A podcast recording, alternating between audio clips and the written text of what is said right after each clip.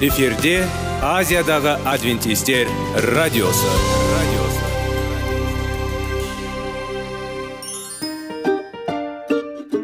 сәлем достар. Денсаулық өмір бұлағы және біздің бірінші байлығымыз демекші денсаулық сағаты рубрикасына қош келдіңіздер. Біздің рубрикада біз әртүрлі факторларменен мәліметтерменен кеңестерменен бөлісіп шын жүректен сіздердің дендеріңіз сау болғанын қалаймыз. Сол үшін біздің рубрикаға қош келдіңіздер. Дайындалып тұрыңыздар. Өйткені келесі минуттарда қызықты фактілерге ие боласыздар. Енді достар ең бірінші байлығымызды қолымызға алып алға кеттік.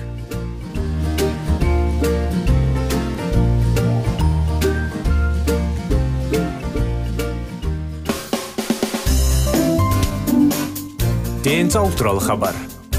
Денсаулықтың ашылуы. Күн сайын сөз үшін күшті кеңестер соңғы жаңалықтар қызықты факторлар. Біздің рубрикада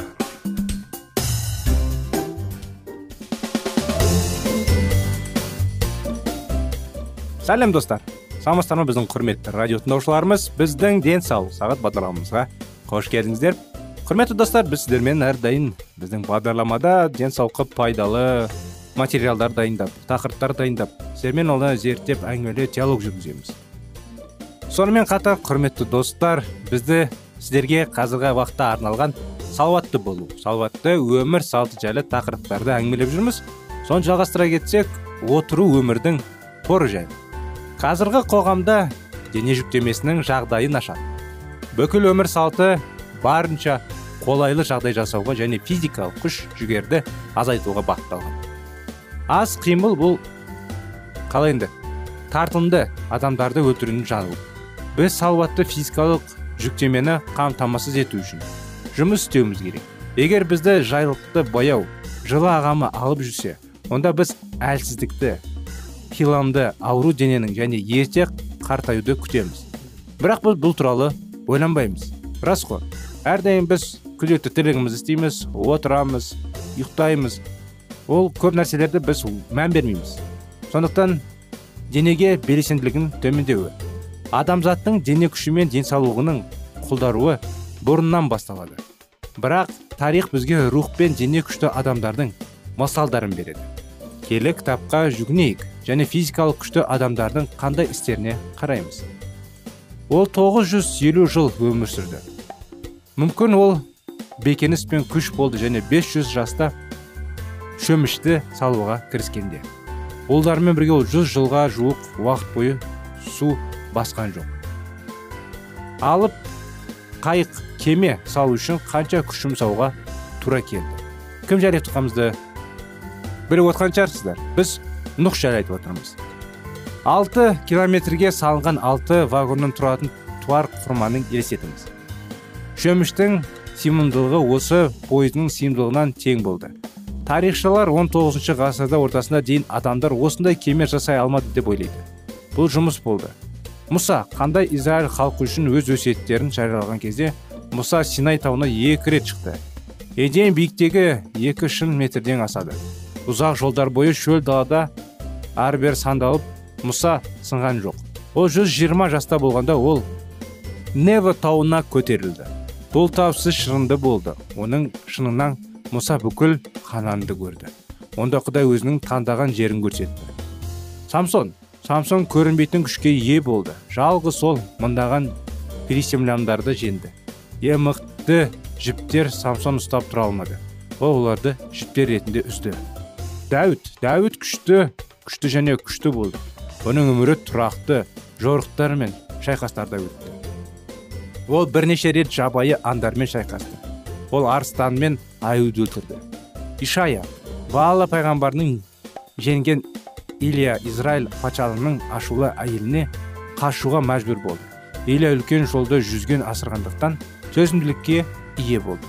Ол туралы былай дейді. Құдай хоров тауына қырық күн және қырық түн болды дейді. Иса иса ағаш ұстасы ол физикалық еңбектің барлық ауыртпалығын келтірді. Ол бүкіл елге жаяу келді. Ал рас назареттен иерусалимге дейін тұру мысалы 120 километр. Мәсіхтің төзімділігі шектерін білмейді. Ол шөлде қырық күн тамақсыз өткізді. Баталар мен қарғыс. Кітапта жиырма сегізінші тарау екінші екі кітабында құдай оларды израильдің ұлдарына уәде етеді. Содан кейін құдай бастарының құлайтын қарғыс туралы жариялайды. Кез келген мінез құлықтың салдары бар. Денсаулыққа деген көзқарас біз соған қамқорлық жасаймыз немесе жоқ. Бізге бата немесе қарғыз әкеледі. Дене шынықтырудың тұрақты сабақтарын дене үшін бата. Күрделі емес дене жаттығуларының орындау арқылы біз тіндердің және жасушаларды оттегімен қанықтандырамыз. Жүректі жаттығамыз. Оттегі өмірдің жана деп аталады. Ал қазіргі қанша адам оттегілік ашық бастан кешуде? Білесіз бе ауыр созылмалы аурулардың және ағзаның уақытынан бұрын босанысының негізі себебі. Жасушаларды оттегімен тұрақты емес жабдықтау мен дене шынықтырумен айналысуға және арықтауға ұсыныс берген пациент болдым. Бірақ ол менің ұсыныстарыма көп көңіл бөлмеді. Ақыр соңында мен оған өте қатал сөздер айтуға тура келді қазір жақсы тұқым себу және деніңізді жаттығыру жақсы емес пе?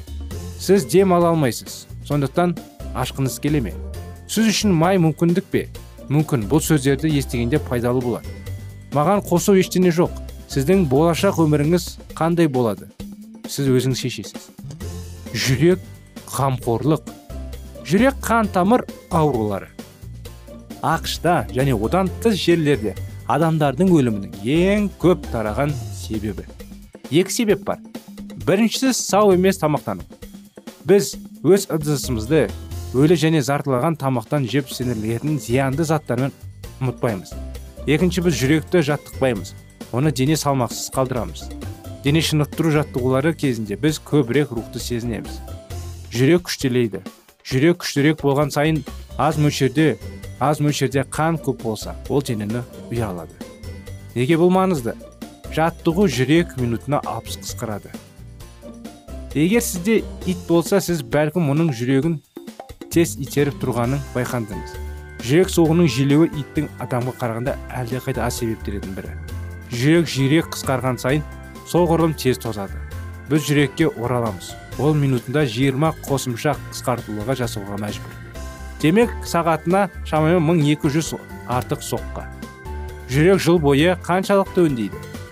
Шамамен 10 миллион қысқартулар егер сіздің машинаңыздың жүрісі ақылға қонымды жолмен аударса онда мотор күлдері және ақыр соңында толығымен кебеді. Жүректі ақылсыз қануға 20-30 жыл әкелуі мүмкін. Жүрек жайлы мінекей осы тақырыптарда келдік. Айттық сіздерге құрметті достар. Бағдарламамыз өкінішке орай аяғына келді. Жүректің бұлшық еттері және де жүректің тағы анықтамасы жайлы келесі жолы айтып беремін сіздерге. Құрметті достар келесі жолға дейін сау саламат болыңыздар.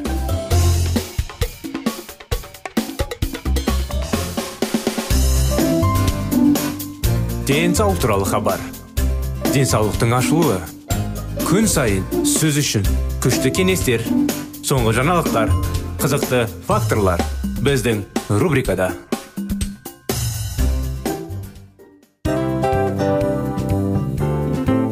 Әуелі байлық денсаулық екінші байлық он саулық үшінші байлық ақ жаулық. Ал енді осындай радио парақшадан кейін не дейміз?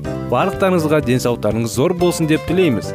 Денсаулықтың өзгеруі кішкентай нәрселерден басталады. Осымен біз берген кеңестер мен мәліметтер шын жүректен сіздер үшін қандай да бір болсын жәрдем берді деп үміттенеміз. Тыңдаушыларымызбен келесі радио парақшасына дейін қоштассамыз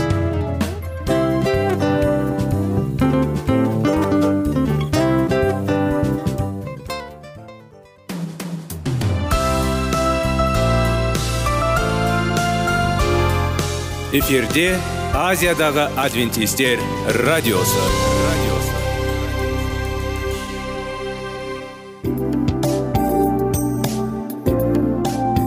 Сәлем достар. Барлықтарыңызға шын жүректен сөйлесек рубрикасына қош келдіңіздер деп айтпақшымыз. Шын жүректен сөйлесек бағдарламасы әртүрлі қызықты тақырыптарға арналған. Шындығында шын жүректен сөйлесек деген сөздің мағынасы екі достың екі адамның ортасындағы шын жүрекпен сөйлесуі бір біріне сенуі ашықтық пен шындықты білдіреді. Сол үшін біздің бағдарламалар әртүрлі қызықты тақырыптарға арналған. Дайындалыңыз жаңа қызықты мәліметтерге ие болуға. Ондай болса кеттік.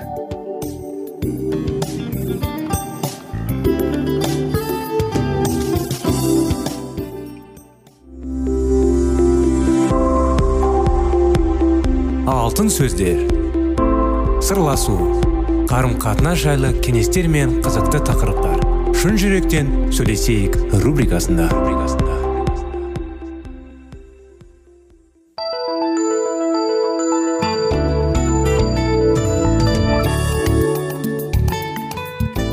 Сәлеметсіздер ме достар армысыздар құрметті радио тыңдаушыларымыз.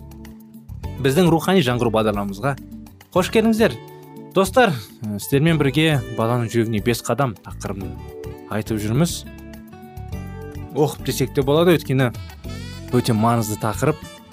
Расында да баланы дұрыс тәрбиелеу оған тіл табу оны керемет азамат қылып өсіру. Кейін болашақта ол өзі өзін күшті қылып сезінетін қолынан келетін бәрін нәрсе қолынан келетін жалғыз емес екенін сезіну керек. Сезінетіндей көптеген кеңестер бар. Сол қазір бүгінгі тақырыпта баланың жүрегіне бес қадамды жалғастыра кетсек ата аналар балаларға олардың дарындалығын дамытуға көмектесу қажет. Егер адам таба біткеннен қабілетін іске асырса онда балалар ішкі қанағаттануын сезінеді. Адал ата аналар баланы тәрбиелей алады және жағдайды талап еткен кезде оны итермелейді ең бастысы сүю. Мұның бәрі балалардың заңды қажеттіліктері. Дегенмен бұл кітапта біз ең алдымен махаббат туралы әңгіме жүргіземіз. Біз махаббатқа деген қажеттілік адамның негізгі қажеттілігі екенінің сенімдіміз. Егер бала махаббат бере және қабылдай алатын болса оны сезіне алатын болса оның барлық бостаулары табысты болады. Алғашқы жылдар бала үшін сүт және нәзіктік синонимдер.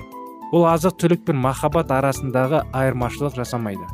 Тағамсыз бала өледі. Махаббатсыз ақ. Егер бала бауырын білмесе ол эмоционалды түрде өледі. Ол толқында өмір сүре алмайды. Бірақ зерттеулер эмоционалдық іргетас алғашқы бір жарым жыл ішінде қаланғанын дәлелдейді. Бұл жерде баланың анасымен қарым қатынасы ерекше рөл атқарады. Болашақ эмоционалдық денсаулықты қамтамасыз ететін тамақ бұл жанасу сүйімді сүйкімді сөзі және нәзік қамқорлық. Бала өсіп келеді. Ол жүріп сөйлеуді үйренеді. Ол өзін тұлға ретінде сезінеді. Ол өзін сүйікті нысандардан ажыратады. Ол бар және басқалар бар. Ол әлі күнге дейін анасына байланысты бірақ қазір ол бірде емес екенін түсінеді. Ол үлкен болады. Ол белесінде сүюге қабілетті. Енді ол жай ғана махаббат емес. Ол оған жауап бере алады. Әрине ол әлі өздігінен біреуге дайын емес. Ол өзімшіл. Дегенмен келесі жыл бойы оның махаббат білдіру қабілеті өседі. Егер бала әлі де үлкендердің махаббатын сезінсе ол жиі өздерімен бөліседі.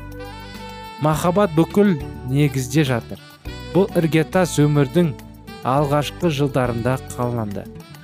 Баланың оқу және жаңа ақпарат алу қабілетіне әсер етеді. Көптеген балалар мектепке оқуға дайын емес. Эмоционалды жетілмеген келеді. Бала өз жасына сәйкес оқи алмас бұрын белгілі бір эмоционалдық деңгейге жету керек.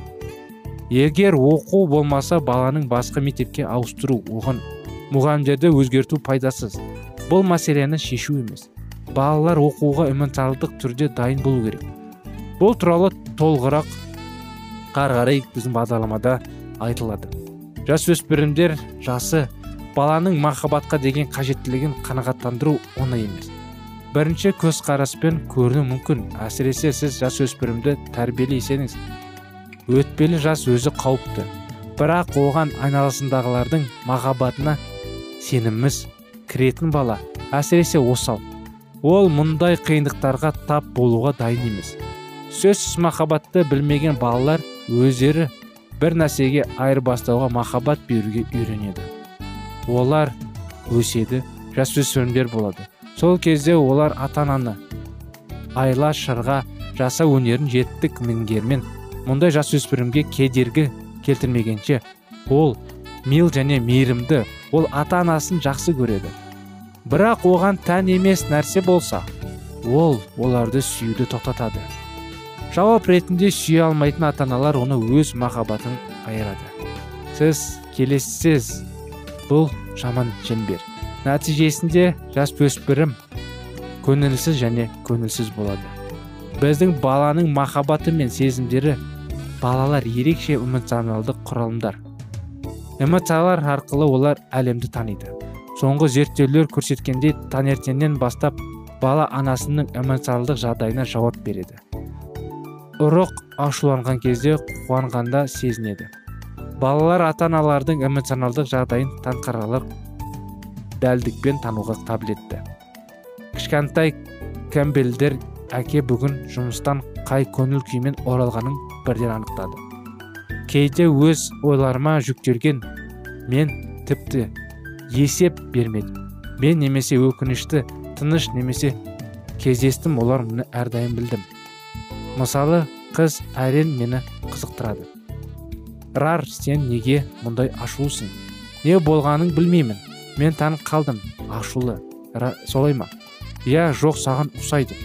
Бірақ маған өз сезімдеріме жүгінуге тура келеді. Мен түсіндім. Ол құқық күн бойы желімнеді. Рухта емеспін. Маған әрқашан қызықты болды олар қалай пайда болады? Балалар менің көңіл күйімді тағы бір рет тауып бұл сен неге қуандаңсыз? Мен қарсы сұрақ қойдым. Ал сен қалай ойлайсың? Кэрри мені қызым иық болды. Өте оңай. Сен ол айтқан әдеттегіндей ал мен осындай әдетті байқамадым. Керемет шындық емес пе? Олар бізді көреді. Олар кез келген ұсақ күледі. Енді сіз бала неге әрқашан сезінеді? Сіз оған қалай қарайсыз? Ол махаббаттың әрбір көрінісіне бірден жауап береді. Және бір бір әрбір дұшпандық көрініске бірақ бұл әлі шетте осындай түсініктемелер осындай мәліметтер құрметті достар. Бағдарламамыз өкінішке орай аяғына келді. Сіздерді келесі бағдарламада күтеміз. Келесі жолға дейін сау болыңыздар.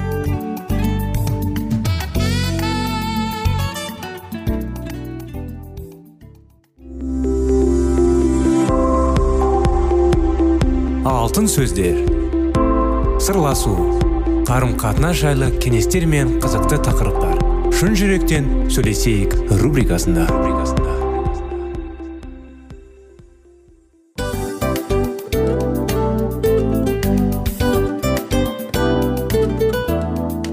Құрметті достар барлық ең соңғы кеңестер аяқталған соң біздің программамыз соңына келіп қалды. Осы біздің мәліметтер осы рубрикада айтылған әрбір сөздер сіздерге өзінің қандай да бір пайдасын алып келді деп шын жүректен сенеміз. Және бұдан да көптеген рубрикаларымыз бар. Басқа рубрикаларымызда біздің зерттеулерімізде сіздер үшін тағы да қызықты мәліметтер дайын. Біздің шын жүректен сөйлесейік парақшамызда көптеген әдістер ең соңғы кеңестер адамның нравственность жақтан моральдық жақтан тазалап байыта тұрған соңғы кеңестердің барлығын жанарады. сондықтан алдыңғы күндерде бізбен бірге болыңыздар. Өйткені барлық қызықтар алдыда. Бізбенен бірге болғандарыңызға үлкен рахмет. Келесі кездескенімізше сау сәлемет болыңыздар.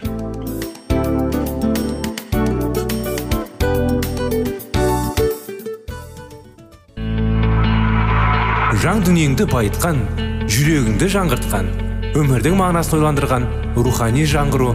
Рубрикасы.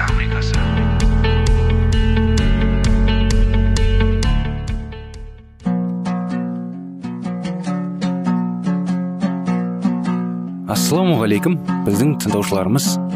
Келі кітаптың шындығын ашып берген қысқа бағдарламасына қош келдіңіздер.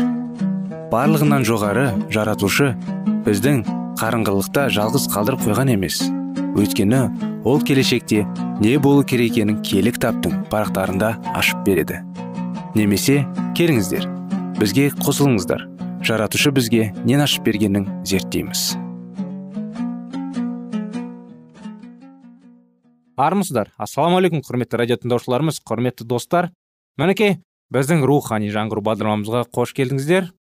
Сіздермен бірге сүйінуді қалай үйренетін тақырыптарын жалғастырудамыз. Біз дұға ұзақтығын орнату кезінде қателесеміз. Онымен достықпен бірдей. Ол кез келген босансулар бірдене айту үшін немесе немқұрайлы сөйлегенде қалаусыз болса бұзылады. Керісінше ұзақ достық бір бірімен сөйлескен кезде болады.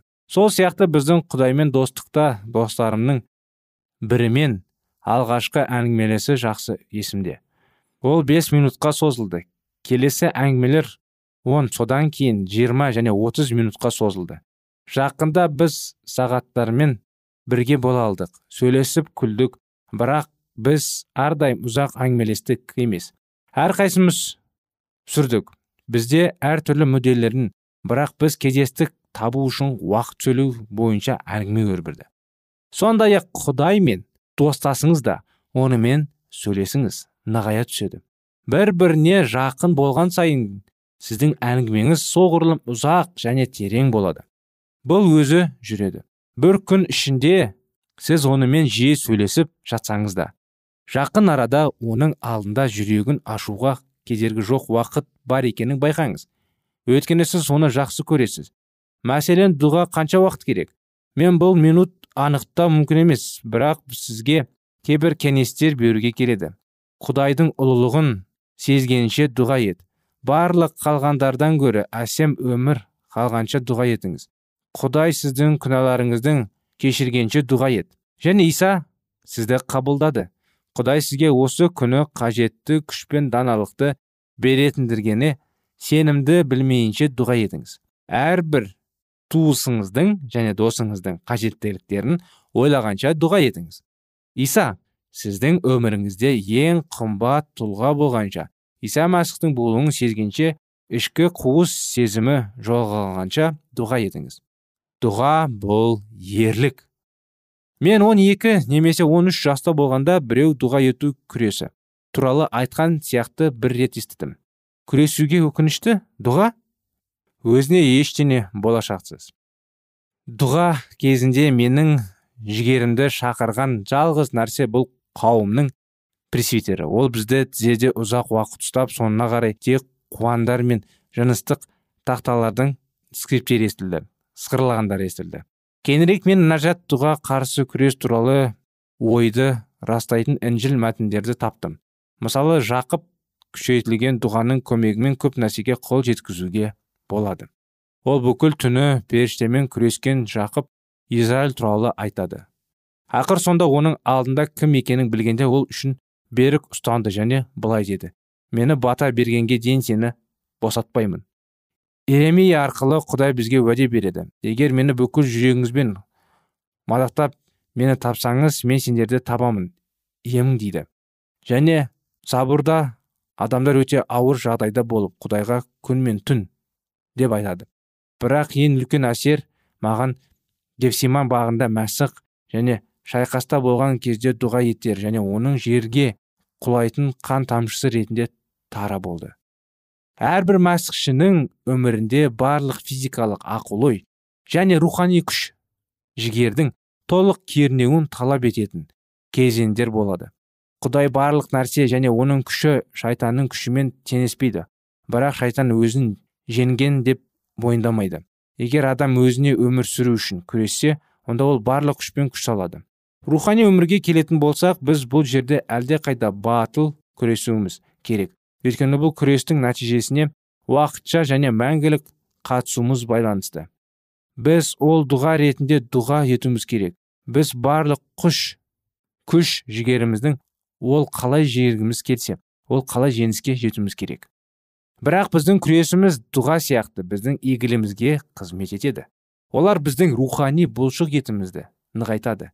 Бізді шайтан мен күнәға қатысты сергектік етеді бізді мәсіхшіл өмірін жүргізуге қабілетті етеді және біз үшін зардап шеккен мәсіхтің махаббатын жақсы түсінуге көмектеседі иса дұрыс емес сотшы және сұрайтын жесір туралы айтады сотшы алдымен оның құқығын қорғысы келмеді бірақ жесір оны алдапты да және соңында ол оған көмектесуді шешті ал құдай дұрыс емес сотшыны ретінде өз халқына әділдік танытады.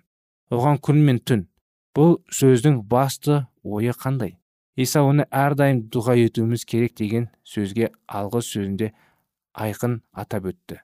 Бұл бізге айтылған біз осындай болуымыз керек ұзақ намаздағы күрес біздің әл уақытымыз үшін маңызды екенін атап өту үшін иса нақыл сөзді айтып көп мәтінді сұрақ қойды. Адам баласы келіп жер бетінде сенің таба ма деп.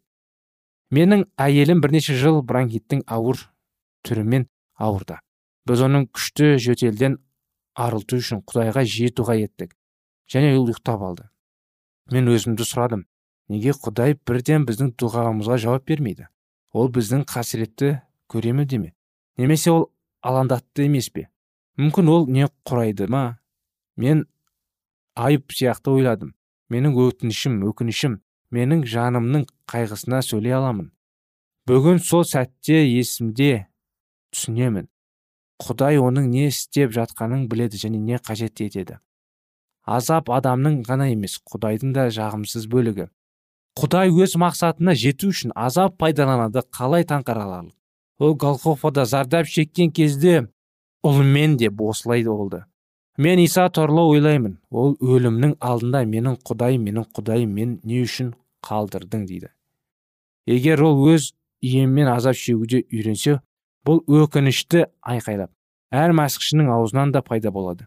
Бір нәрсе айту күнә емес.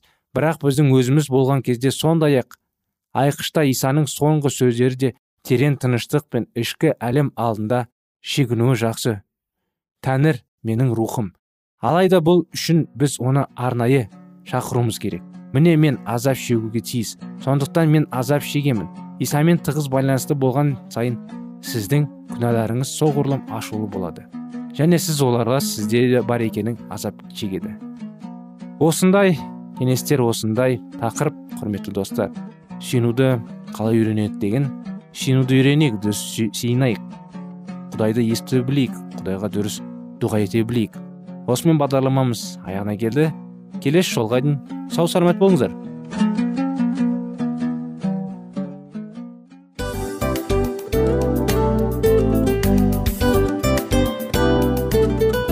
Осымен достар программамыздың зерттеуіміздің ең қайғылы минутына жеттік. Қайғылы дегенде бағдарламамыз тез арада өтті де кетті. Соған көңіліміз деп тұр. Жарайды қайғыны қояйық. Бүгінгі 24 сағаттың алтындай жарты сағатын бізге бөліп арнағаныңыз үшін рахмет. Егер де өткен сфераларда пайдалы кеңес алған болсаңыз біз өзіміздің мақсатымызға жеткеніміз.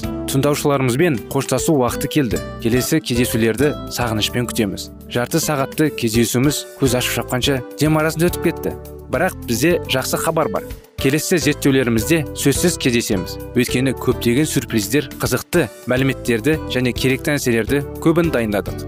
Бүгінгі күндеріңіз өзгеше позитивті болсын. Жақындарыңыз аман есен болсын деп тілейміз. Жаратқан ие барлықтарыңызға батасын берсін. Істеген істеріңіз игілікті болсын. Келесі кездескенше сау саламат болыңыздар. Достар біздің бағдарлама бойынша сұрақтарыңыз болса әрине сіздерге керекті анықтама керек болса біздің whatsapp нөмірімізге хабарлассаңыздар болады. Плюс бір үш жүз бір жеті жүз алпыс алпыс жетпіс. Иә достар сіздер қателеспедіңіздер бұл біздің номерлерге ұқсас болмаса да бұл whatsapp номер арнайы. Хабарласыңыздар сұрақтарыңызды қойып тұрыңыздар. Анықтаманы алып тұрыңыздар. Плюс бір үш жүз бір жеті жүз алпыс алпыс жетпіс whatsapp номері